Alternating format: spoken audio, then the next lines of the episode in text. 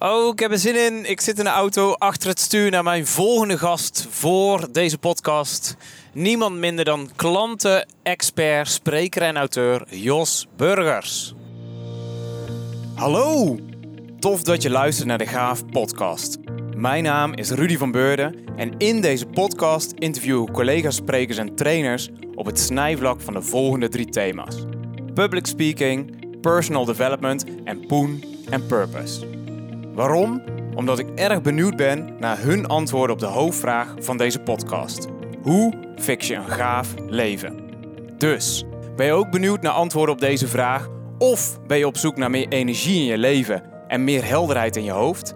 Zet je dan schrap, want hier komt een volgende aflevering.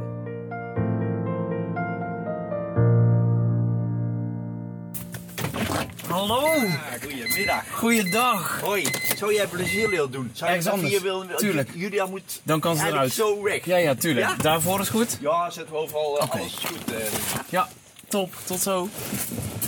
Oké, ik ben bij Jos op de oprit. Ik Neem alles even mee. Ah, wat goed om jou weer te zien. Rudy, kom verder jongen. Goedemiddag. Hoi, hoe is ie? Hé, hey, Lotje, kom, kom. Ik wou zeggen, dit Kom. is snuf niet. Nee, Lotje, kom eens hier.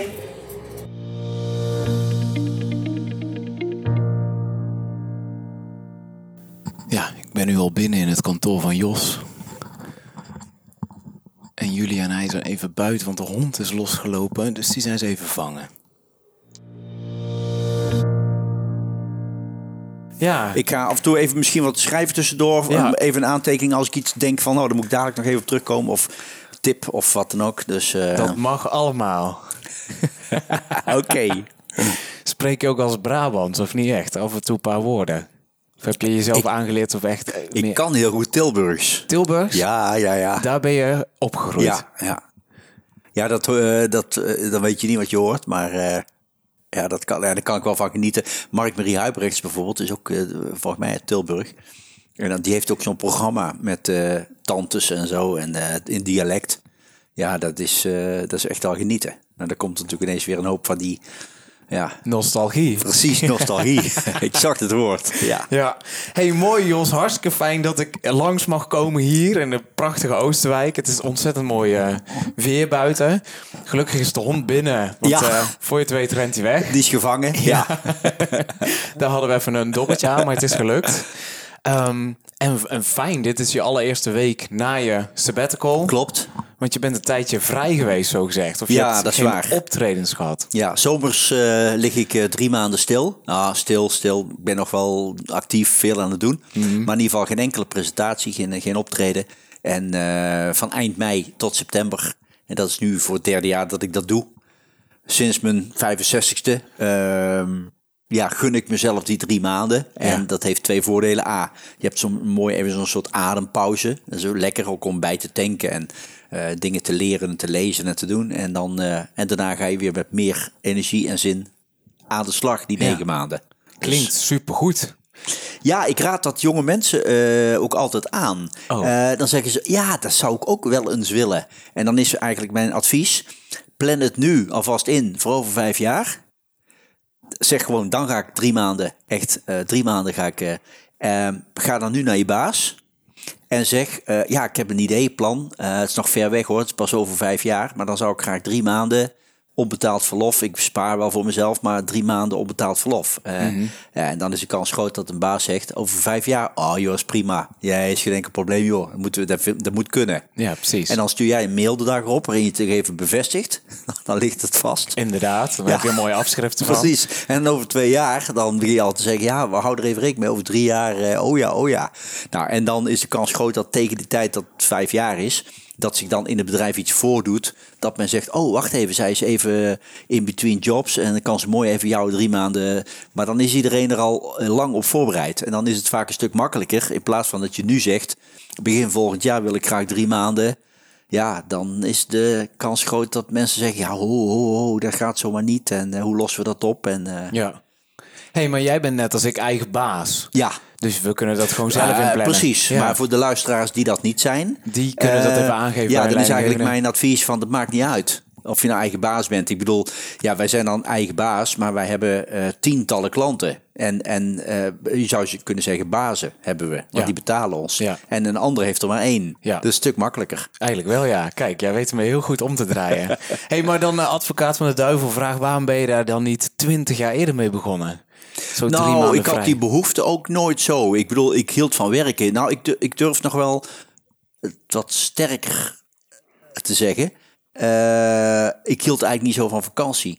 Echt waar? Nee, ja. Wat, wat, wat deed je dan Ik- altijd op vakantie? Ik, ik weet nog dat een goede vriend van me, die, die ik nog van, van de schooltijd vroeger ken, van de HBS, die zei later een keer tegen mij, dat is me altijd bijgebleven toen we jaar of 20, 21 waren en toen jij al werkte, dat je zei van ja, de vakantie vind ik eigenlijk niks, ik vind daar net zo lief, ik ga net zo lief werken.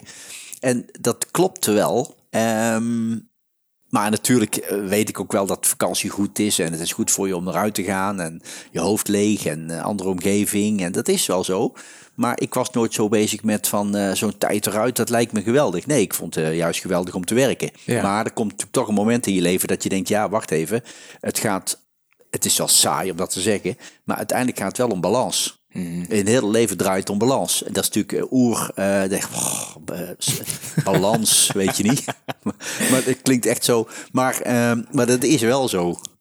Dat is werk privé en dat is eh, geld en, en, en goede doelen. eh, Ook goede dingen doen voor de samenleving en geld verdienen. Eh, alles is balans Ja, nodig. ja, ja. En, en dat ja, eh, was bij mij een beetje uit, het was uit balans, disbalans. En dus vandaar dat ik een paar jaar geleden Fijn. dat heb ingevoerd. Lekker. Rust inbouwen ook. Ja, Ja. Ja, super mooi. Want zonder dat we het af hebben gestemd, is dit het perfecte bruggetje waar het interview met Niels Roemer de vorige keer mee eindigde. Zijn Ja. laatste opdracht of zijn laatste giveaway aan de mensen die luisterden was: neem rust. En Ah. neem ook tijd om te mijmeren. En jakker niet alleen maar door, maar eh, pak ook pauzes, zo gezegd. Eh, maar misschien goed om op dit punt te vertellen hoe wij elkaar kennen. Want ja, ik zou ook veel voor groepen. Jij uiteraard ook veel. Je, je gaf al aan voordat de microfoon aanging 100 of 115 keer per jaar.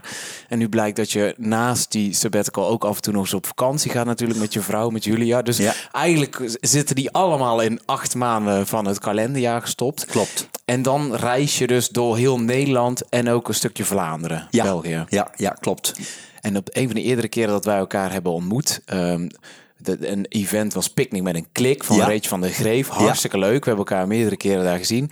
En eigenlijk heb jij toen tegen mij gezegd van, nou je hebt al een streepje voor, omdat je ook spreker bent uit Brabant. Want Brabantse sprekers hakken ze overal. Of je nou naar Groningen gaat of naar Antwerpen, Brugge. V- vertel eens iets over die ervaring. Hoe komt dat? Ja, wij hebben denk ik een, toch een voordeel, omdat eh, Brabanders worden snel gezien als eh, gemoedelijk en aardig en het kan geen kwaad. Zo. En eh, als spreker of als dagvoorzitter is het superbelangrijk dat je een klik hebt met de zaal. Ja. Ehm, ik, ik, ik leg het altijd graag zo uit. Eh, als de zaal jou niet eh, accepteert, accepteren ze je verhaal zeker niet. Nee. Dan bij alles wat je vertelt, eh, gaan ze dan denken: ja, dat zegt hij nou wel, maar wat weet hij daar nou zelf helemaal van? Hij zit helemaal niet in de installatiebranche. Nou ja, dat soort van.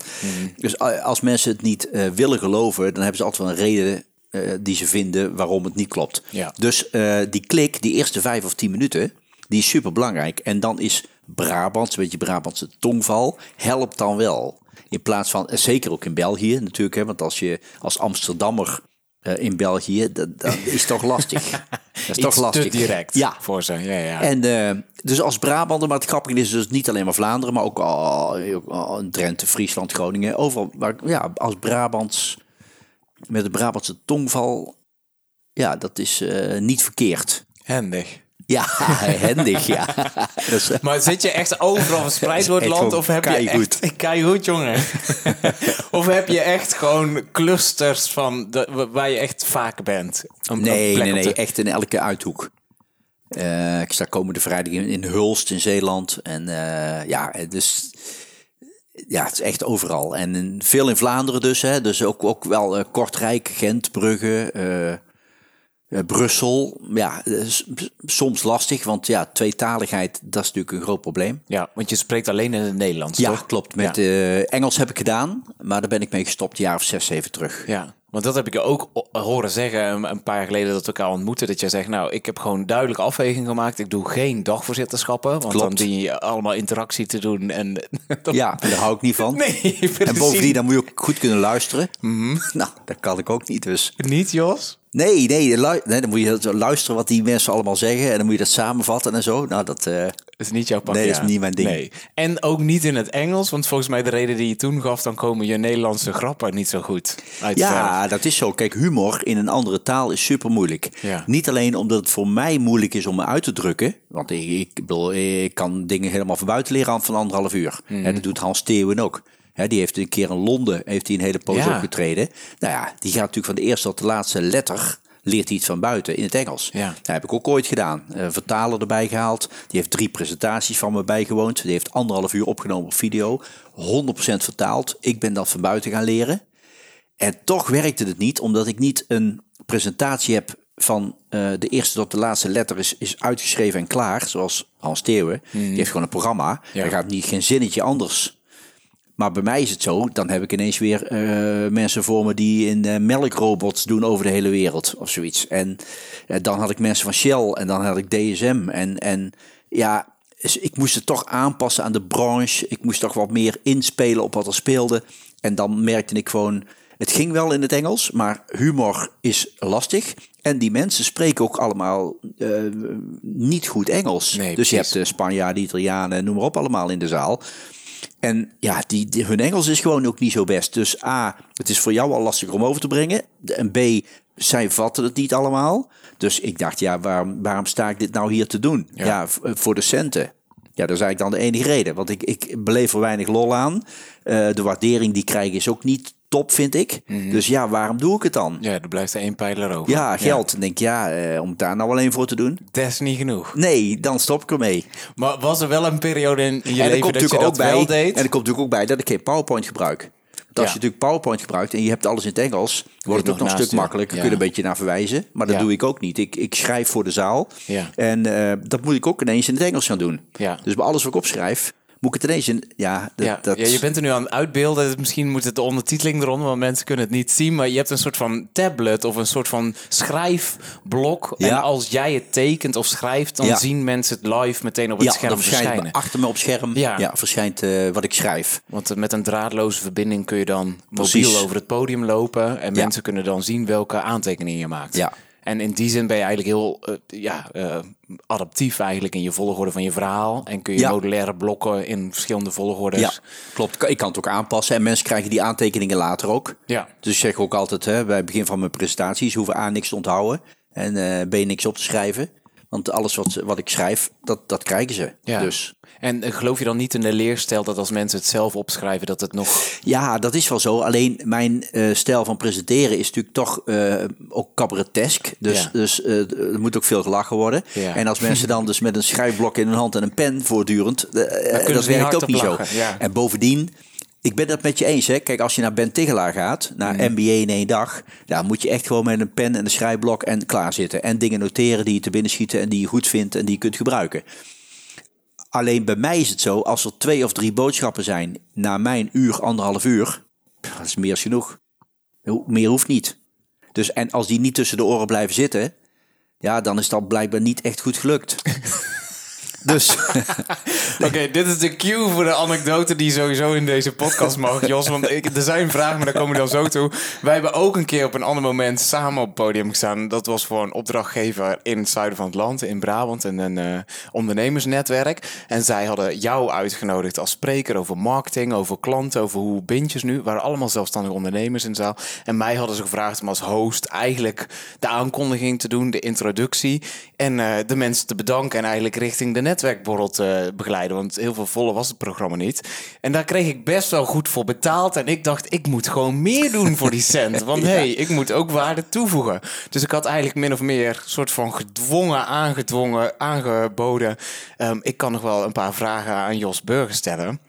Terwijl ik eigenlijk al deels wist via de organisatie. Oh, Jos die vindt die interactie helemaal niet leuk. Want die heeft gewoon zijn eigen verhaal. Ja, dan zit je nee te knikken.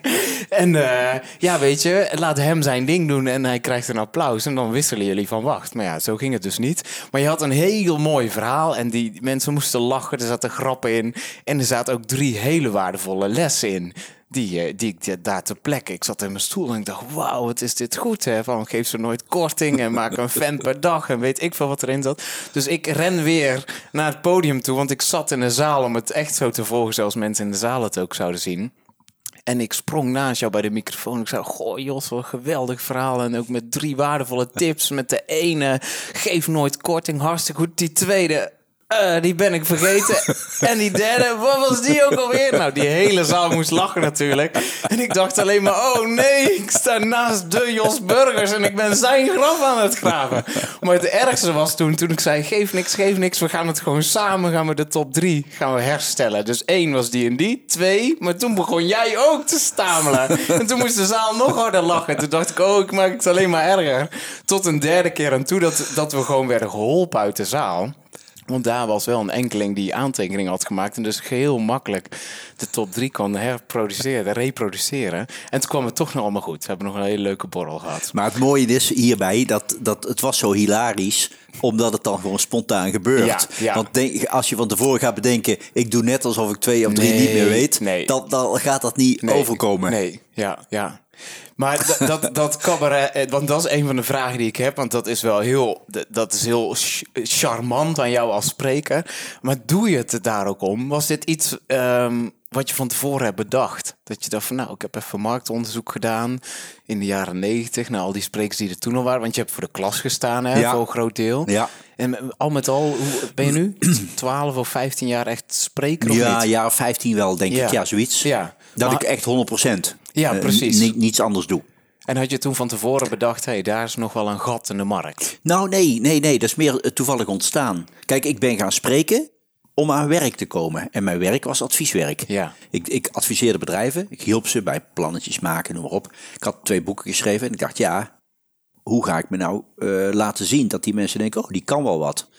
En dacht ik, ja, spreken. En zo ben ik erin gerold, als het ware. Toen ben ik erachter gekomen, dus ze was gewoon spreken voor een fles wijn. En toen ben ik erachter gekomen dat er een hele sprekerswereld is. Van uh, congressen, seminars, weet ik wat. En dacht, hmm, en ja, ik liep tegen een sprekersbureau aan en die zeiden, nou, we willen jou wel vaker in gaan zetten. En op een gegeven moment kom je er dus achter dat er ook gewoon budget is en dat er sprekers zijn. Wat een rare wereld, hè? Ja, een hele aparte wereld. Heel aparte wereld. Ja, ja, ja. En, en, en ik kwam er toen, uh, en, en humor. Ik heb voordat ik docent was hè, uh, in Eindhoven aan de, aan de hogeschool daar, uh, heb ik ook in het bedrijfsleven gewerkt, tien jaar, en stond ik veel op beurzen. En daar merkte ik natuurlijk ook al dat humor goed werkte. Ja. En ook als docent, die studenten die zijn echt niet zomaar gemotiveerd vanuit zichzelf. Nee. Die moet je echt... hè? Flinke doos humor hebben ja, nodig. en dus ik vond humor altijd al wel belangrijk. En op een gegeven moment ben ik me daar dus gewoon in gaan verbeteren. Dus gaan nadenken over timing, over een goede grap. Oh, die bewaren, die nog eens gebruiken. Uh, uittesten met de zaal. Of je zegt iets onbedoelds. Of vandaar dat mijn volgende boek dus ook over humor gaat. Ah, leuk. Het gaat helemaal over uh, 100% over humor en klanten. Heb je al een titel? Ja. Mag je die al verklappen? Ja, mag ik al verklappen. In januari komt hij pas uit. Maar het boek gaat heten uh, Thuis ben ik niet zo leuk. En uh, de, de, de, ja, de, het idee achter die titel is... je hoeft niet per se 24 uur per dag grappig te zijn... om in je werk af en toe humor te gebruiken. Oké. Okay. Dus het hoeft niet zo te zijn dat je thuis gewoon de lolbroek bent de hele dag door... Um, en veel cabaretiers die zeggen dus ook bijvoorbeeld gewoon... ja, thuis ben ik ook gewoon niet zo leuk. Ja. En op een feestje ook niet. Dan denken mensen, oh, hij komt. Nou zal het wel lachen, gieren, brullen worden. Nou, hij zegt, nee, is helemaal niet. Zeggen die cabaretiers vaak. Ja. Dus vandaar dat ik op de titel ben gekomen, thuis ben ik niet zo leuk. Uh, klanten vinden en binden met een beetje humor. Dat wordt de ondertitel. Leuk, heel leuk. Ja. En het gaat dus over wat doe je wel, wat doe je niet. Hoe ver kun je gaan, wat is een groot risico. Ja. Welke risico's kun je beter niet nemen. Daar gaat het hele boek over. Ja, ja. Kun je daar één, één handvat uit uitlichten? Want, ik, want het is ook niet zo dat je hier nu in je privé-tijd uh, een brompot bent. Ver van. Nee, ik ben ook niet hopelijk ongezellig of vervelend. Nee, helemaal niet. Maar het is ook niet zo dat ik de hele dag door natuurlijk uh, grappen loop te maken. Nee. En dat denken mensen soms wel als je op een podium staat. Je bent anderhalf uur eh, leuk, dan denk je, oh, oh, die man zal thuis ook wel eh, heel leuk zijn de hele dag door. Ja. Kom je wel eens mensen tegen dan die je herkennen in je vrije tijd? Als je de boodschappen doet of als je, als je op een uitje bent met je Ja, vrouw? zeker, zeker. En, en die, die je dan ook aanspreken? Of? Ja, nee, die kom ik eh, wel vaak tegen. Ja, mensen die mij dan ergens hebben gehoord of gezien. En dan, eh, Heb jij geen idee? Want je ziet duizenden en duizenden mensen. ja, nou tegenwoordig is, valt dat natuurlijk meteen op. Want mensen willen eh, tegenwoordig meteen selfies, hè? Oh, echt? Ja, als ik bij Willem II rondloop, dan loop ik heel vaak rond. Wij zijn allebei vrij fanatieke Willem II supporters. Ja. Ja, dan komen ineens mensen in de pauze eh, van... eh, oh, wij gebruiken uw filmpjes op, bij ons op de zaak. Mag ik even een selfie? En eh, nou ja, prima. Ja? Dat- Dat, vind je oké? Ja, ik vind dat sowieso al mooi. En, ja, soms heb ik ook wel eens, er komen ineens twee hele mooie vrouwen op mij af met de vraag of ze met mij op de foto mogen. Dan zeg ik, nou, eh, kan ik beter andersom vragen. En dan zeggen ze oké, is goed. Dan zeg je, nou, vooruit dan. En dan staat jouw vrouw erbij te kijken. Of die vraag je ook nog om de foto te maken zeker? Nou, Julia? En nou nog één, maar dan landscape. Maar die, die selfie-wereld is natuurlijk een hele nieuwe wereld, zal ik maar zeggen. Hè. Ja. een jaar geleden had niemand een fotostel bij, bij zich. En dat is sinds die telefoon natuurlijk in één keer eh, een heel andere wereld geworden. Ja, gemeengoed geworden. Ja. ja, ja. Leuk. Maar die stijl die is dus zo eigenlijk ontstaan. Maar die humor, ja, oh ja, die humor. En, en kijk, door het werk kom je erachter wat werkt. Ja, wat Door wel werkt. En, Oh, goed, en ik ben me er ook in gaan verdiepen. Ik heb twaalf boeken laten komen over humor. Eh, die ben ik allemaal gaan lezen de afgelopen twee jaar. Want ik doe al eens een beetje drie jaar over een boek. Mhm. Twee jaar ben ik bezig met alleen maar eh, inlezen. eh, dingen schrijven, eh, dingen verzamelen. Ik heb hier bijvoorbeeld eh, nou, hier een, ho- een hoofdstuk voor me liggen. Dit is één hoofdstukje van de 25. Nou, dat is, dat is zo- zo'n eh, papier, voorbeelden, ideeën. eh, nou, hier staan allerlei eh, teksten. Nou, dit wordt dadelijk het hoofdstukje. Ja. En dat is maar twee A4'tjes, meer niet. Maar ja, er, eh, gaat heel veel werk aan vooraf voordat er één zo'n hoofdstukje Ja. klaar is, Ja. zeg maar. En eh, dus dan ben ik een half jaar aan het schrijven. En ja, er staan bijvoorbeeld boodschappen in als... eh, ehm, je kunt beter, als je jezelf relativeert, dan kom je sympathieker over dan wanneer je hoog opgeeft over jezelf bijvoorbeeld. Dus je kunt met, met humor kun je grappen maken. Dus ik zal een voorbeeld geven. Als ik een, eh, ik heb een zaal met eh, winkeliers voor me. En die denken dan, oh, komt er zo'n spreker. Die heeft ook nog van die boeken geschreven. En die, en die, weet, die snapt helemaal niks van een winkel. En, eh, en ik zit er al 30 jaar in. Ja. Dus nou, ik ben benieuwd wat die man mij komt vertellen. Dus ja, wat ga ik dan doen? Ehm, mezelf relativeren. Zelfspot werkt fantastisch goed. Dat is een van de vormen die eh, richting klanten heel goed werkt. Dus dan zeg ik, ja, ik weet niet of ik jullie eh, ja, hele boeiende eh, nieuwe inzichten kan geven vandaag. Want, want ja, een jaar geleden heb ik ook een presentatie gegeven voor de Kijkshop. En ja, die is er nou niet meer. nou, dan is footsie. ja, dan begint de zaal al te lachen. En dan zeg ik, ja, ik heb na- naast de kijkshop heb ik ook de schoenenreus heb ik, eh, voor me gehad. En OAT en de Harense Smit. Die zijn er ook allemaal niet meer. Laatste Nou, Intertoys nog. ja, nou, die net niet. En V&D was ook te laat. Oh jee. Die waren al failliet. Die stond En- al in de kalender, maar Ja. toen het helemaal daar En was. dan begint die zaal te lachen.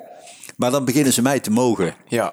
En denken ze, ach, hij deugt wel. Of hij valt wel mee. Ja. En daarna kom ik met mijn adviezen. En dan denken ze, ja, er zit toch wel wat in. Daar kan ik wel wat mee. Het Ja. klopt wel wat hij zegt. Weet je wel? En dan vraag ik aan zo'n zaal met winkeliers bijvoorbeeld van wie van jullie... eh, eh, als er iemand iets komt ruilen of zo, hè, eh, wie van jullie geeft er dan nog zo'n tegoedbon? Hè? Nou ja, de helft van de zaal, ja, tegoedbon. Zeg, ja, dat is wel boeiend. Op internet heb je dat niet meer. Hè? Als je op internet iets terugstuurt, krijg je centen terug. En bij jullie niet. En de klanten balen van die tegoedbonnen, dat snap je wel. Hè? Ja. Oh ja, ja. Nou, dan zet ik ze even aan denken. Jullie concurreren met internet, dat vind je moeilijk. Maar ja, op dat aspect doen ze het bijvoorbeeld al veel beter dan jullie. Oh ja, oh ja. Nou, dat, dan gaan ze s'avonds naar huis en gaan ze er toch eens over nadenken. En ehm, dus, maar met die humor, dat wou ik eigenlijk eh, uitleggen. Ja, daar bereik je dus dingen mee. Die, en daarom vind ik het zo'n machtig mooi eh, onderwerp. En eh, dus ik denk, ja, ik ga daar een boek over schrijven. Ja, ja. Het is een echte ijsbreker. En ook wat ik jou hoor zeggen, mensen moeten iets van zichzelf herkennen in de man of in de vrouw voor de groep. Om ook dingen aan te kunnen nemen. Ja, maar Als- het geldt natuurlijk niet alleen als spreker. Hè, want ik, ik praat nou als spreker. Maar ik bedoel, als je als medewerker in een bedrijf... is het niet veel anders. Als je, ik zal een voorbeeld geven. Stel, je bent eh cashier bij een tankstation of zo. Of in een winkel of eh, bij een tankstation. En eh, er staan mensen in de rij om af te rekenen, na tanken. En die staan te bellen. Ja. En jij baalt van die bellende klanten. Die staan allemaal te bellen. En dan moeten ze bij jou afrekenen. Staan ze ook nog te bellen. Een pincode toetsen verkeerd in. Omdat ze er met de hoofd niet helemaal bij zijn en zo. Nou, en dan kun je natuurlijk twee dingen doen. Dan kun je zeggen, eh, meneer, ik heb liever niet dat u staat te bellen als ik u eh, aan het helpen ben. Weet je wel? Ja, dan weet je van tevoren dat er, dan komt er vaak een beetje een, een agressieve reactie. Hè? Want dan gaan mensen zeggen, ja, wie maakt dat hier uit? En eh, denk je dat ik dat zomaar doe? En het is dringend. En nou, dan krijg je hele verhalen. En je kunt het ook met humor oplossen. Je kunt ook als, als iemand staat te bellen in de rij, dan kun je ook zeggen tegen degene achter de beller komt u maar naar voren hoor, want ik wil die meneer niet storen, want het zal vast heel dringend zijn. Nou, en dan lacht de hele rij. Dat idee, ja. En dan maak jij je boodschap, je maakt wel je punt. Op een heel andere manier. Op een heel andere manier, met humor. Ja, een meer optimistische manier ook. Ja. Ja, ja, ja. En zo zijn er heel veel voordelen van humor. Uh, ja, je kunt ook bijvoorbeeld je eigen uh, zwaktes en je sterktes kun je meer met humor... Uh, ja, met humor kun je heel veel en mensen staan er niet altijd bij stil. Mm maar Wat de kracht ervan is. Ja, ja precies. En uh, een van de boodschappen in mijn boek is dus... bouw aan je eigen repertoire. Bouw zelf een repertoire op. Dus je hoeft niet spontaan leuk te worden... want dat kan ik mensen niet leren. Een repertoire van grapjes? Ja. Ah.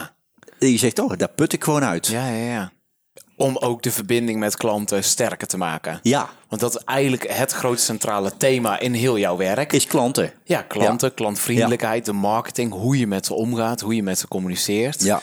Is dat nog steeds een, uh, mateloos interessant vakgebied? Want je bent er al jaren en jaren mee bezig. Ja, maar dat is ook mijn uh, kracht, denk ik, en mijn, waar mensen mij, mij, mij van kennen. De van expertise. Klanten. Ja. ja. ja. Je moet mij niet vragen om te komen spreken over samenwerken of zo. Uh, dat kan ik zelf niet eens, dus laat ik staan. ja, dat. Wat heel in het kortje zegt, je bent eigenlijk gaan spreken ter promotie eigenlijk van je adviesdiensten. Ja, ja. Maar toen maakte je ook rapporten en op een gegeven moment had je daar niet meer zoveel zin in. Of kwam je erachter, ze lezen de rapporten niet, beter gezegd. Hè? Want je bent werk aan het doen wat, wat toch niet tot mensen genomen wordt. Ja. En nu, anno 2019, zijn er nog steeds partijen die rapporten maken. Het is uh, ongelooflijk. Ja, maar sommige organisaties willen ook graag rapporten. Ja, ja waarom? Omdat ze dan kunnen laten zien dat ze er wat aan gedaan hebben. Ja, en, ja aantonen. Ja, ja, ja. ja. daar komt dan op neer. Ze willen helemaal niet veranderen. Maar ja, ze willen wel laten zien dat ze het serieus nemen. ja. Maar hoe ben je dan uiteindelijk wel naar die voorliefde van, van, van klantenbinding en het thema klanten gekomen? Wat was voor jou? Hoe ben je daar? Nou, dat is eigenlijk al vanaf mijn 18e, 19e of zo. Dat, je dat mijn hele leven al. Ja, toen ik ging werken, mijn eerste studie uh, mislukte helemaal en zo. En uh, meer in de kroeg dan uh, in de collegebanken. Dus nou ja, in ieder geval gaan werken. Toen ik 19 of 20 was ongeveer.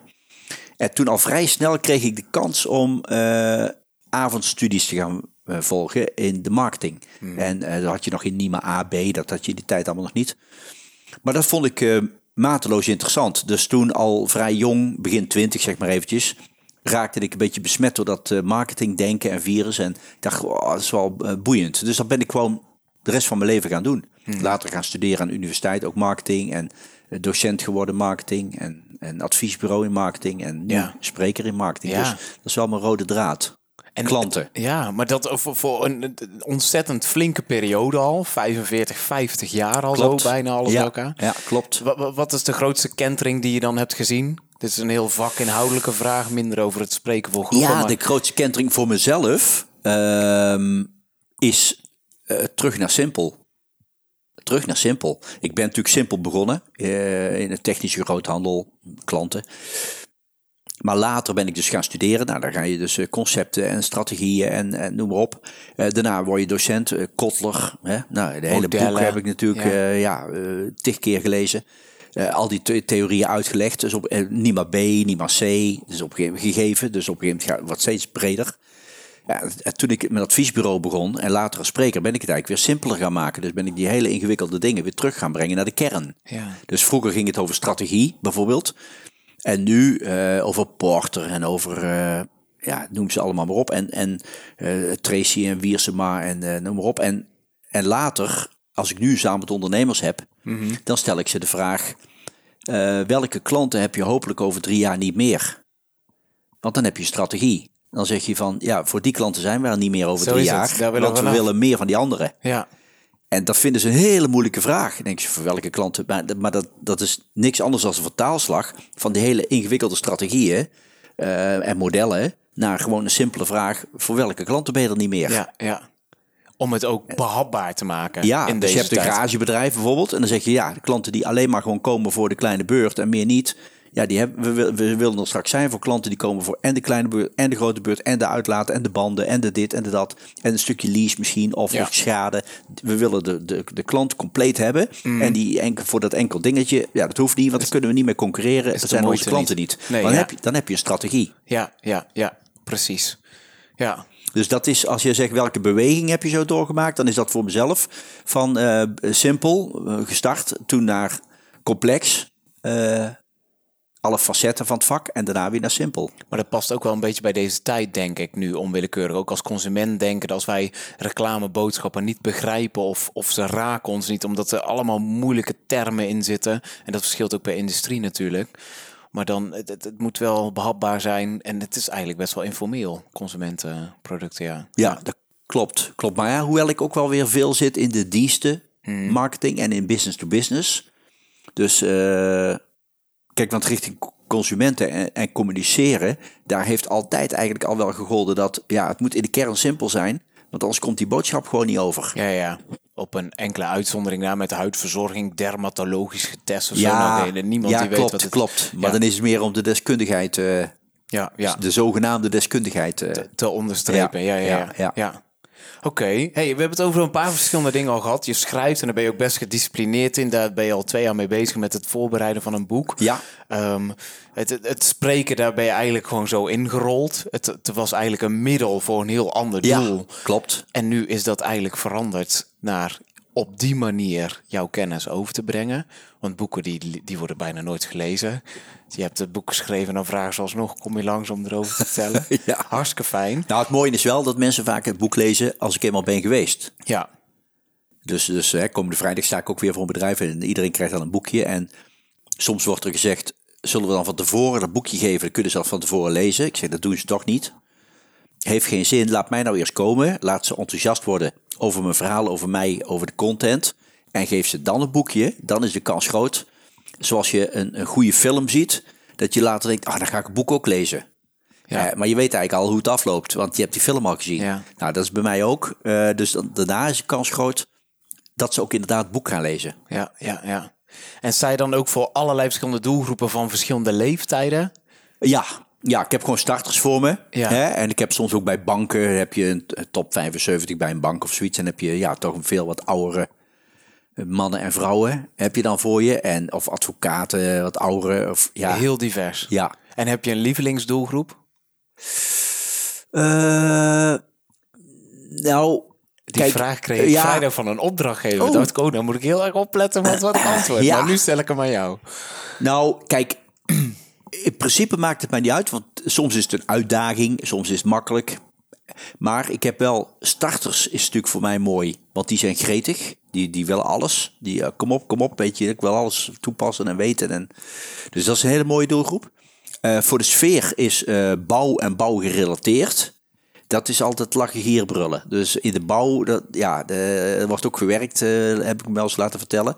Maar er wordt ook veel gelachen. En ehm, dus dat is ook, dan weet je al van tevoren, als je van die wegenbouwers voor je hebt zo'n zaal, of eh stucadoors, of Ja. eh, schilders. Ja. Ja. dat is gewoon hoveniers had ik pas. Dat is ook een beetje, ja, dat is, eh, dus dat is leuk. Maar dan mag het allemaal wat lomper en wat ruwer. Ja, dan hoef je niet klopt. zo op ieder woord te letten Nee. of het allemaal gepolijst is. Maar dan mag het wel Ja, ik heb ook moeilijke doelgroepen. advocaten bijvoorbeeld. Als ik de hele zaal met advocaten heb, dan Oh. eh, ja, die gaan vanaf het begin zitten kijken. Zal, klopt het allemaal wel Klopt wat hij zegt? allemaal wel? Ja. Is het coherent? Klopt het? Ja. Strookt het? Dus daar heb ik natuurlijk ook wel weer mijn grappen voor. Want daar ben ik er uiteraard op voorbereid. Denk, oh, advocaten. Ja. Dus dan begin ik met... eh, ja, ik heb een verhaal van ongeveer drie kwartier. En eh, misschien leuk om te zeggen... er zitten drie dingen in die niet kloppen. Ehm, en, maar de bedoeling is dat u die eruit haalt. Als u ze alle drie heeft, laat het dan even weten. Dus dan kunnen ze niet bij het eerste al aankloppen. Als ze denken dat er iets niet klopt. Want ze moeten, heb ik gezegd, tot drie. Eh, dus, eh, maar dan begint men te lachen, omdat men dan wel aanvoelt dat ik ze begrijp. Ja, dus ja. Zeker. En dat is eigenlijk ook een stukje herkenning. Van dat je, dat Ja. je ja, afgestemd bent op... Ja, Ja, dat, dat, ja, dat eh, denken van, oh, hij, is, hij weet wie wij zijn en hoe wij in elkaar zitten. En ja, ja, dat geeft dan ook al een soort klik. ja. Hey, en daarin geef je Of, of eigenlijk ik de... begin meteen met eh, duidelijk te maken, dat doe ik ook wel eens van. In mijn verhaal zit gewoon vrij weinig onderbouwing. Dus eh, eh, als u dat zoekt, zit er niet in. Ja. Dus dan weet u dat alvast. Ja, precies. En dan, dan, ja, dan, dan maak ik het gras eigenlijk al een beetje voor de voeten weg. Ja, het is eigenlijk heel slim. Ja, want dan denk je aan, ja, kunt u dat ook onderbouwen? Of heeft u daar bewijs voor? Of, ja, die vragen die kun je meteen verwachten. Ja. Ja. En als ik duidelijk maak dat in mijn vakgebied, het is niet zo dat ik tegen onderbouwing ben, maar het is super moeilijk om eh, hard te maken dat, dat managementtheorieën kloppen. Ik, ik zal een voorbeeld geven. Nu is nou net eh, besluit gevallen dat eh Hudson's Bay stopt in Nederland, al die warenhuizen. Ja. Ehm, van tevoren, al die retail-experts, die, die vielen over elkaar heen. Met, ja, ze moeten wel dit doen en ze moeten niet dat doen. En dit is wel slim en dat niet. En nou ja, nu dan fout is gegaan, komen ze ook allemaal weer van, ja, ze hebben dat niet goed gedaan. Ander zegt, ze hebben dat niet goed gedaan. Maar niemand kan bewijzen dat dat klopt. Want Hudson's Bay heeft gewoon één ding gedaan in drie jaar tijd. En die heeft niet iets anders gedaan. Dus je kunt nooit zeggen, met die strategie zou het wel hebben gewerkt. Ja, ja. Dus er is geen bewijs te leveren. Als een, als een, een bedrijf tegen mij zegt, wij gaan eh, fans maken van klanten de komende drie jaar, vijf jaar. Ehm, ja, dan kan ik niet bewijzen dat als het ze beter gaat, dat dat niet was gebeurd zonder fans. Dus, ehm, dus dat niet onderbouwd zijn is niet alleen maar voor mij gewoon een grap, maar is ook gewoon, zo is het nou eenmaal in mijn vakgebied. Ja, precies. En die kanttekening plaats je dus bij van Ja. die hele secure, precieze doelgroepen om daar maar... Als eh, ik weet dat er veel weerstand komt, Ja, dan gooi ik er dat meteen al in. herkenbaar. Ja. Ja, ja, precies. En Of ik maak gewoon grapjes die, ja, eh, ik zeg bijvoorbeeld nou tegen die advocaten, eh, ja, we hebben één ding met elkaar gemeen. En dat is, eh, ja, we zetten gewoon heel veel op papier wat vrijwel niemand leest. Hè? Want ik schrijf nou eens boeken die niemand leest en jullie heel veel van die zaken.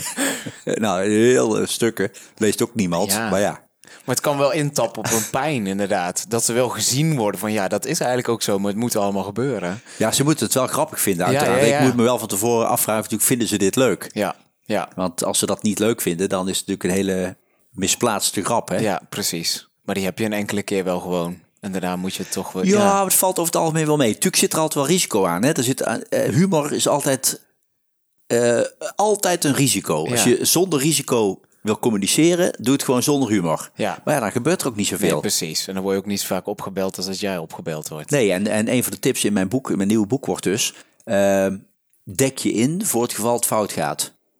Oké. Dus je maakt een grap. En dan zeg je, als de zaal niet reageert of mensen vinden het niet leuk, of klanten vinden het niet leuk, zeg je gewoon, oh, nou, ik vond hem zelf wel grappig. Bijvoorbeeld. Ja, ja, ja. Of dan heb je iets achter de hand. Ja, precies. Dat je even het haakje, ja, dat je hem rond maakt. Of van je dit- zegt, ja, ik dacht al wel, dit gaan ze niet leuk vinden. Bijvoorbeeld. Maar dan heb je iets achter de hand voor geval mislukt. Ja, ja. Dat is een van de adviezen. Dus ik had bijvoorbeeld pas had ik een best risicovolle grap. Is het leuk om even te vertellen? Kom maar door. Ja, ja. ja, ja. ja. Ik had een zaal met dierenartsen. En het ging die dag als congres over eh, het vaccineren van runderen om kalversterfte tegen te gaan. Ja, je komt nog eens ergens, hè? Ja. En eh, dus daar ging het de hele dag over. Over wel of niet nut van vaccineren. En met name boeren, hè, eh, rundveehouders en veehouders. Ja, die zijn nogal een beetje sceptisch over vaccineren. Die zeggen, ja, ja ik weet niet of het nou allemaal wel werkt. Hè. Is dat niet een kwestie van gewoon kost gewoon geld en je schiet er weinig mee op? Nou ja, in ieder geval de hele dag ging het over wel of niet vaccineren. Dus ik was aan het einde van de dag en ik begon met een grap tegen de zaal. Ik zei, ja, ik, er wordt nogal verschillend gedacht over vaccineren. is me vandaag ook weer duidelijk geworden. En dat zag ik ook op internet, want op internet er een hele discussie over de vraag of je je kinderen wel of niet moet laten vaccineren. En toen was er één eh, moeder en die schreef op de vraag eh, aan een andere ouder van zal ik mijn kinderen wel eh, of niet laten vaccineren. Toen schreef iemand, ach, ik zou het alleen maar doen met de kinderen die je graag wil houden. En toen dacht ik, die gooi ik er gewoon in. En die pakte geweldig uit. Die Gelukkig zaal, ja, die, die zaal die begon te lachen. Die vond het een fantastisch leuke grap. Ja.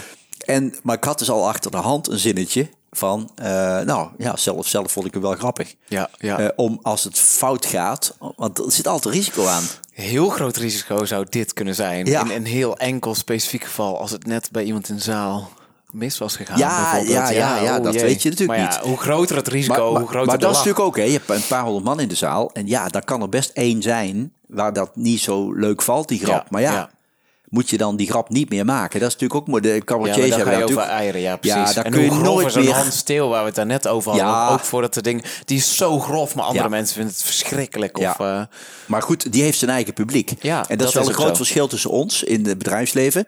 Eh, die dierartsen die hebben er niet om gevraagd dat ik daar kom. Die hebben een congres, een zaal en die krijgen mij. Ja. En iemand die naar eh, Hans Theo gaat of Theo Maassen, die weet dat hij daar naartoe gaat. ja. Dus dat, dat maakt al wel Maar dan, dan kom ik wel tot deze volgende vraag. Wa- wa- Waarom doe je het dan allemaal? Want ik heb je ook in een ander interview van Eindbaas, ook een eh, lange podcast voor de mensen die het interessant vinden. En meer dan twee uur materiaal met Jos Burgs, hartstikke leuk. Horen zeggen van, hey, weet wel dat je daar iets achterlaat. één, twee of drie dingen tussen die oren van die mensen in de zaal of van de organisatie. Zodat ze ook nog eens drie, vier of vijf jaar later nog een keer aan je denken. Ja. En daarin stel je zo van, ja, en dat is toch wel je doel Ja. als spreker zijnde. Dat je weer een retentie Zeker, hebt. zeker. Kijk, in de kern is, ik wil mensen helpen. Ik ben, ben een beetje mis- missionaris, dat heb ik mijn hele leven al gehad. Ik wil mensen helpen. Ik heb in 40, 45 jaar ongeveer heb ik heel veel geleerd over marketing. In allerlei rollen, hè, als adviseur, als docent, als eh, in het bedrijfsleven werkend en oh eh, al- als, als auteur van boeken, als spreker. Ehm, dus ik heb heel veel geleerd en dat wil ik graag kwijt aan de mensen. Omdat ik denk dat heel veel mensen daar hun voordeel mee kunnen doen. En dat kan intern voor een medewerker die intern een baan heeft. Maar ook eh, eh, voor ondernemers of richting klanten. En, eh, en als ik maar één, twee, drie dingen meegeef... Ja, is dat voor mij al genoeg. Als ik een mailtje krijg van iemand die een automobielbedrijf heeft... en die zegt van, ja, jouw boek eh, geeft nooit korting, heb ik gelezen... en eh, ik heb jou toen een keer gehoord en ik ben dat gaan doen... en oh, het is ongelooflijk, het werkt nog ook. Ja, dan is mijn dag helemaal goed. Of eh, pas sprak een dame in de zaal na afloop mij aan... en die zei van, ja, mijn man is... is fan van u en die zegt altijd: Ik verkoop elke week een paar cv-ketels meer door de ideeën van Jos Burgers. Ja, leuk. Ja, heel dus dan, leuk dan heb ik iemand geholpen. En, en dat is wel mijn drive om eh, eh, ja, ik, eh, helpen. Maar tegelijkertijd zit ik er ook niet mee als mensen er niks mee doen. Ja, dat herken Dus- ik ook. Ja, dat is dan jammer. En in het, in het Engels denk ik dan altijd bij mezelf, go help yourself. Alle attributen liggen nu voor je, Ja. voor je neus, maar Ja. als je het niet ziet... Of misschien hebben de mensen de headspace nog niet of het inzicht nog niet dat ze op dat moment iets nodig hebben. En valt het kwartje pas veel later. Ja, dat kan natuurlijk. Maar ik heb hier nu wel een meer persoonlijke vraag aan. Want dit is voor Ja, mij ja, heel herkenbaar. Dat ik ook denk, ja, ik wil mensen ook helpen. En als het aankomt, komt het aan. Ehm, maar dit, en dat komt misschien eerder terug op het andere stukje van balans waar we het over hadden. Maar in hoeverre dien je er voor anderen te zijn? En hoeverre ben je er ook voor jezelf en voor de personen binnen jouw bootje, zo gezegd? Dus ik heb zo'n soort van metafoor dat ja, als de Titanic is ondergegaan en wij zitten in zo'n sloep en zijn allemaal bezig andere mensen in dat bootje te trekken die al dan niet het al op hebben gegeven en denken laat mij maar dobberen of ik red me wel. Heb je dan nog oog voor de mensen in, in je bootje? Dit is wel een soort van balansvraag, maar want jouw drive is zo sterk, dat vind ik super bewonderenswaardig. Nou, ja. En ondertussen denk ik ook, wauw, je woont hier ontzettend mooi en je hebt een nieuw hondje en met Julia kun je hier op loopafstand de bos in. Ga dan lekker doen. Ja, maar dat kan ook, hè? Ja. Dat is ook balans, hè? Dat Ja. is ook, en dat, eh, kijk, vak- vakantie heb je pas als je werkt. Als je nooit werkt, dan is vakantie ook een beetje van, ja, ja, vakantie, hè? Ben je Eh, daar bang voor je pas? Nee, niet bang voor, maar je hebt pas licht als het af en toe donker is. Ja. Als er iets tegenvalt in je leven, ja, dan heb je die dag erop een fantastische dag als alles lekker gaat en, lu- en lukt. Maar als altijd alles lekker gaat en, en lukt, ja, dan, dan wordt dat ook een beetje gewoon. Dus, ehm Contrasten zijn eh, ja, komt, oh ja, dus even terug naar jouw vraag. Ik denk dus dat mijn drive is helpen. Ik denk dat het erom gaat dat je waardevol bent voor mensen. Dat, dan, dan krijg je waardering en dan krijg je ook betaald. En misschien eh, mag ik jouw luisteraars ook gewoon verwijzen naar jouw podcast, ook met Remco Klaassen. Ik weet dat je Remco on- hebt gesproken. Ja, dat klopt. Eh, tussen al die andere hè, boeiende gesprekken. Ja. Maar Remco, die weet dat ook altijd fantastisch te verwoorden. En Remco is altijd sowieso de moeite waard om te beluisteren. Dus ik kan de mensen sowieso aanraden om dat eens nog terug te luisteren. Mhm. Jouw gesprek met hem. Maar die zegt ook altijd: het gaat er in de kern om natuurlijk dat je waardevol bent voor anderen. Ehm, ja, als je waardevol bent voor anderen op basis van wat jouw energie geeft. Het gaat niet om alleen maar waardevol zijn van anderen, want dan offer je je als het ware op. Ja, alleen het maar. moet in lijn zijn met je eigen kwispelfactor. Precies, zo- noemt hij dat, Als je ja. zelf niet meer kwispelt, dan ben je dingen aan het doen. Dan ben je problemen voor anderen aan het oplossen. Terwijl je er zelf op leeg loopt. Ja, terwijl je zelf, ja, precies. Ja. En hij, kan dat, hij verwoordt dat heel mooi. En dat is wel de kern. Dus ik, eh, ik, ik kan heel enthousiast worden van eh, ja, gewoon mensen helpen. Ik doe dat ook gewoon buiten die, die, die presentaties om. Hè, ik, ik, ik, eh, er melden zich veel mensen bij mijn PA met een vraag. En ik kan niet iedereen helpen, Nee. maar eh, sommigen wel. Fijn dat ik er doorheen ben gekomen. Dat we hier nu zitten Nou ja. tegenover elkaar. Nee, maar dat is ook de reden dat ik niet op, eh, op social media sta. Want mensen denken vaak van, ja, die is natuurlijk oud en die ziet dat niet zitten. Maar dat, dat is niet het verhaal. Social media werken heel goed en daarom sta ik er niet op. Ja, en je hebt het al druk genoeg Ja, eigenlijk. daarom. En ik heb het heel druk genoeg. En je hebt maar eh, acht maanden per jaar om eh, de ja, klussen te en dan krijg ik te horen van, ja, dan moet je wel interactie doen, weet je, op social media. Nou ja, ik hou al niet van interactie, dus dan moet ik daar ook niet... eh, Nee, nee, nee. Ja. En volgens mijn vrouw ben ik ook vaak niet te volgen. Dus ja, dan moet je sowieso niet op Twitter... nee, een grapje. Dat kost me echt een split second inderdaad. Je zag het in mijn ogen. Hey, we rollen lekker door het interview heen, maar Ja. eh, time flies. Dus Ja. we gaan langzaam naar de afronding toe. Heel goed. Ehm, je geeft een paar dingen al aan. De- jij hebt ook heel duidelijk keuzes gemaakt. Ja. je, en je bent de spreker en de auteur. Je doet het in het Nederlands. Werk aan je grappen. Zorg dat je dingen achter je hand hebt. De kracht van humor is heel duidelijk benoemd. Ehm, eh, en een van de onderwerpen, je, de, heel kort stipt je aan, is ook poen en purpose. Dus jij zei ook de verdeling van en geld verdienen, maar ook eh, je inzetten of teruggeven. Hoe, hoe denk je daarover? Want ja, je hebt het sprekersveld Nou, ontdekt geloof- en dat gaat heel ja. goed volgens mij. Ja, ik geloof heel erg in eh, goed verdienen. En dan ben je ook in staat om anderen te helpen en ergens mee te helpen met geld of met tijd of wat dan ook. Hè, dus ehm, mensen denken vaak dat ik heel erg bezig ben met geld, omdat ik eh, bedrijfseconoom ben en boek heb geschreven als Geef nooit korting. Of denk ja, het gaat om geld. Nee, het gaat mij, het gaat mij niet om geld. Maar op het moment dat ik eh, een keer iets voor een goed doel doe, dan, is dat, eh, dan doe ik dat met alle plezier, een avond of een middag of een dag omdat ik die andere dagen goed verdien. Ja. Ehm, ben ik alleen maar bezig met, oh, ik moet wel proberen hier brood op de plank te krijgen. Ja, dan ben ik al helemaal niet bezig met, ik zal nog eens voor een goed doel dingen doen. Nee, precies. En ik zie dus, ja, bedrijven die, waar het goed gaat, daar zie je ook gewoon dat die veel ook doen voor de samenleving. En eh, als het gaat dus over poen en purpose, dan denk ik ook dat eh, bijvoorbeeld eh, de opbrengsten van mijn boek van Snurf, ja, die, die gaan allemaal naar de Stichting Hulphond. Eh, dat doe ik ook omdat ik gewoon goed verdien daarbuiten. En dan kan ik me dat permitteren. Als je Precies. al blij bent dat je überhaupt weer een paar euro binnen kunt harken met een boekje. Ja, dan ben je niet bezig met ga al die royalties nog eens weggeven. Dus voor mij, ehm, ik geef dat ook ondernemers ook altijd mee. Dan zeg ik van we gaan het vanavond hebben over geld en geld verdienen en aan klanten. Maar even voor de duidelijkheid. ehm, het is natuurlijk niet de bedoeling dat daar. oh, ik geef een voorbeeld. Een voorbeeld werkt altijd beter. Als ik een zaal heb met dierartsen. Dan krijg ik wel eens de op. En dan zeg ik tegen die dierartsen: Ja, jullie zijn veel te goedkoop. Jullie staan 24 uur per dag klaar. Je moet s'nachts je bed uit. Eh, mensen komen voor vaccinaties. eh, Alles, eh, ja. duurder worden. Ja. En dan zeggen ze tegen mij: Ja, Jos, je hebt makkelijk praten. Maar er zijn ook mensen. die hebben een hond of een kat. en die hebben nauwelijks inkomen. Ja. En die, de- hun hond of kat is ongeveer het enige wat ze nog hebben. En dan is natuurlijk mijn opmerking: dan hoop ik niet dat je die mensen laat betalen voor wat je doet. Maar ik hoop dat je dan bij die andere 90% meer gaat vragen. Een soort van Robin Hood. eh, Ja, en dat je die 10% zegt, kom op vrijdagmiddag maar tussen 3 en 5. Dan doe ik het gratis voor de mensen die, eh, weet ik wat, bij de voeds- voedselbank komen elke week en een huisdier hebben. Die mogen dan bij mij komen voor een gratis vaccinatie.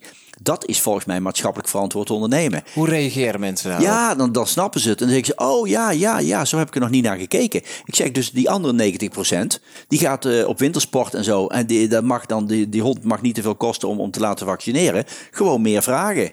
En die mensen geven met groot, grootste gemak 2.500 euro uit voor een elektrische fiets. En bij jou mag de vaccinatie niks kosten. Dus dan, dan, dan, dan, breng, dan zet ik ze wel aan het denken op die manier. En ik snap het wel. Zij hebben het zo goed voor met hun klanten. En hebben zo'n sociaal geweten dat ze het niet te duur willen maken voor sommige klanten. Ja. Nou, en dan reik ik ze dit aan. Dus, dus, en dan is het meteen helder. Dan valt het kwartje en dan denk ik, oh, helder. Ja, maar heb jij daar ook zelf in moeten groeien om geld te vragen voor je diensten? Of was dat van jou al iets van meet af aan? Waarde is iets ja, waard. het is natuurlijk heel moeilijk, want ja, wat, wat is een klant bereid te betalen? Daar gaat het uiteindelijk allemaal om. En in die sprekerswereld gaat heel veel geld om. Een hele merkwaardige wereld is dat eigenlijk. Ehm, maar ja, goed, dat is in veel werelden. In de artiestenwereld, ja, die Marco. Bussato of die, die Hazes junior, die vraagt natuurlijk ook wat hij wil. Ja. En, die, ehm, en dan hebben wij het als sprekers vaak nog wel weer wat moeilijker. Want mensen verwachten na twee, drie, vier jaar dat je wel weer met een ander verhaal komt. En terwijl als Boudewijn de Groot komt optreden, dan hopen ze dat hij oude liedjes weer doet. ja. Terwijl Dus- hij zelf iets nieuws wil doen. Ja, die wil iets nieuws. Dat, is- En dat, dat is zegt- zijn pijn. Zegt de zaal, nee, doe maar die oude liedjes. Dus, eh, dus die kunnen jaren vooruit met die, eh, met die oude meuk, zeg maar. Maar eh, en wij niet. Maar nee, maar dat is... eh, maar ja, geld verdienen, uiteindelijk dan groeit dat. ja. En ik heb ook wel weer moeten leren natuurlijk om gewoon ook een prijskaartje te vragen. Ja. En, en, eh, en de mensen hebben ook wel tegen mij moeten zeggen... nee, maar je bent gewoon dat gewoon waard. Dan moet je gewoon vragen. Dus ik ben daar van nature ook niet zo, eh, zo goed in, zal ik maar zeggen. Daar Maar moet je in groeien. Ja. Toch die bescheiden Brabander. ja, Ja. nou ja, bescheiden Brabander. dat mogen anderen dan eh, beoordelen of ik dat ben. Maar ehm, ja, geld is niet, niet het doel in ieder geval. Niet het hoofddoel. Nee, een middel. Ja, ja. precies een middel. Ja. Hey, heb je nog een, een, een laatste opdracht, een laatste boodschap? Mag ook in het plat Tilburgs, want dat schijn je ook goed te kunnen spreken. hey, dat kan ik goed spreken. Maar als ik dat zo moet doen in, in, in deze setting, dan wordt dat heel lastig hoor. Ja, ja. Als het over mijn werk gaat en over mijn vak gaat. Mag gewoon in ABN. En eh, ja, maar ehm, een, een laatste advies. Vanuit de expert op het gebied van Ja, klantgerichtheid. zorg ervoor dat je eh, je eigen agenda hebt. En een waak ervoor dat je onderdeel wordt van andermans agenda.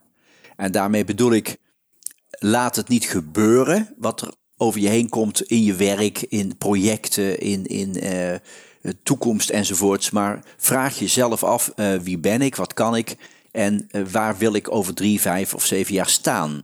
En je ziet heel vaak dat mensen zich laten verleiden door geld, status, roem, eh, eer. Eh, ik, als ik een voorbeeld mag geven, ik ben nogal eens een keertje in leidinggevende functies bijna terechtgekomen. Eh als adjunct hoofd van een studierichting op een school en zo. Terwijl daar, ik, ik daar gewoon helemaal niet van hou. Nee. Maar je merkt dan als mensen je vragen, dan ben je vereerd en dan ga je het doen. En als je dan heel eerlijk bent en je denkt, word ik daar nou gelukkig van? Van docenten of zoiets aansturen of doen? Nou, nee, helemaal niet. Waarom zeg je dan toch ja? Ja, omdat je dan vereerd voelt dat mensen je vragen. En jij bent er telkens niet ingestapt. Nou, even wel, maar Oh. er gelukkig op tijd weer uit. Ja, ja. En dus, dus uiteindelijk ben ik nu gekomen waar ik wel in mijn kracht zit. Ja. Eh, maar dat is wel dus heel belangrijk, dat je je steeds afvraagt van, en ook aan anderen vraagt van, wat vind je nou aan mij sterk en zwak? Zeg dat is gewoon eerlijk aan goede vrienden, je partner. eh, en dan kom je vaak toch, toch tot inzichten. En dan kun je je koers een beetje Ja. fine-tunen en bijstellen. En af Ja. en toe stoot je jezelf een keer goed hard tegen een steen. Ja, nog precies. een tweede keer. Als je echt Maar je eigen bent. agenda hebben. Ja. En gewoon zeggen van, eh, dat ligt me gewoon niet, die kant wil ik zeker niet op. Maar ik wil daar en daar eh, meer kennis van gaan maken. Dus eh, kennis van gaan nemen. Dus ik ga ook mijn leidinggevende of wie dan ook laten weten, mocht je iets in die richting hebben, daar heb ik interesse in. Ja. Denk eens aan mij. Ja. En je eigen agenda bepalen. Ja. Eh, ik ben een bevoorrecht man en een gelukkig man, omdat ik terecht ben gekomen in die dingen waar ik geen energie eh, verlies. Ik, ik, ik krijg energie van wat ik doe. En daar heb je werk van gemaakt. Ja. Zelf, letterlijk en figuurlijk. Ja. Je bent er naartoe gewerkt, maar je hebt er ook je werk van Ja, gemaakt. Waardoor ja. je dus ik zeg dus- ook wel eens tegen klanten, als ik er geen geld voor kreeg, deed ik het waarschijnlijk nog. Ja. En dan zeggen ze, oh, dus je wilt het ook voor niks doen. Ik zeg, nee, dat weer niet, want dan kon ik ook niet komen, want dan zat ik zo vol dat ik er voor jullie niet was. Dus je moet eigenlijk blij zijn dat ik geld vraag. Hartstikke Daarom ben ik beschikbaar. Perfect. Mooi.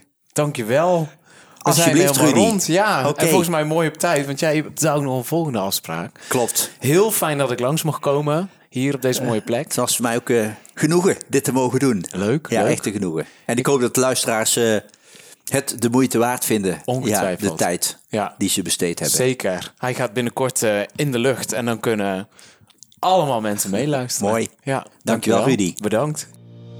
Hey jij daar. Zit je met een vraag of heb je een suggestie voor hoe deze podcast nog gaver kan worden?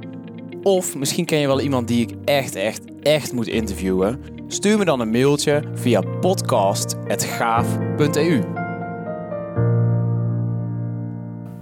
Ik heb nog één verzoek en dat is of we Ja, samen op de oh. foto mogen. Oh ja, tuurlijk, tuurlijk. Ja, zeker. Met koptelefoons op? Ja, nee, dat vind ik prima. Wat is mooi, zo, zo met dat? Zo'n beetje groen eh, Ja. achtergrond. Ja. Nou, een beetje bij, bij elkaar staan. Ja. Lachen. Leuk, top. Ik heb hem. Mooi. Heel goed, dank. Alright.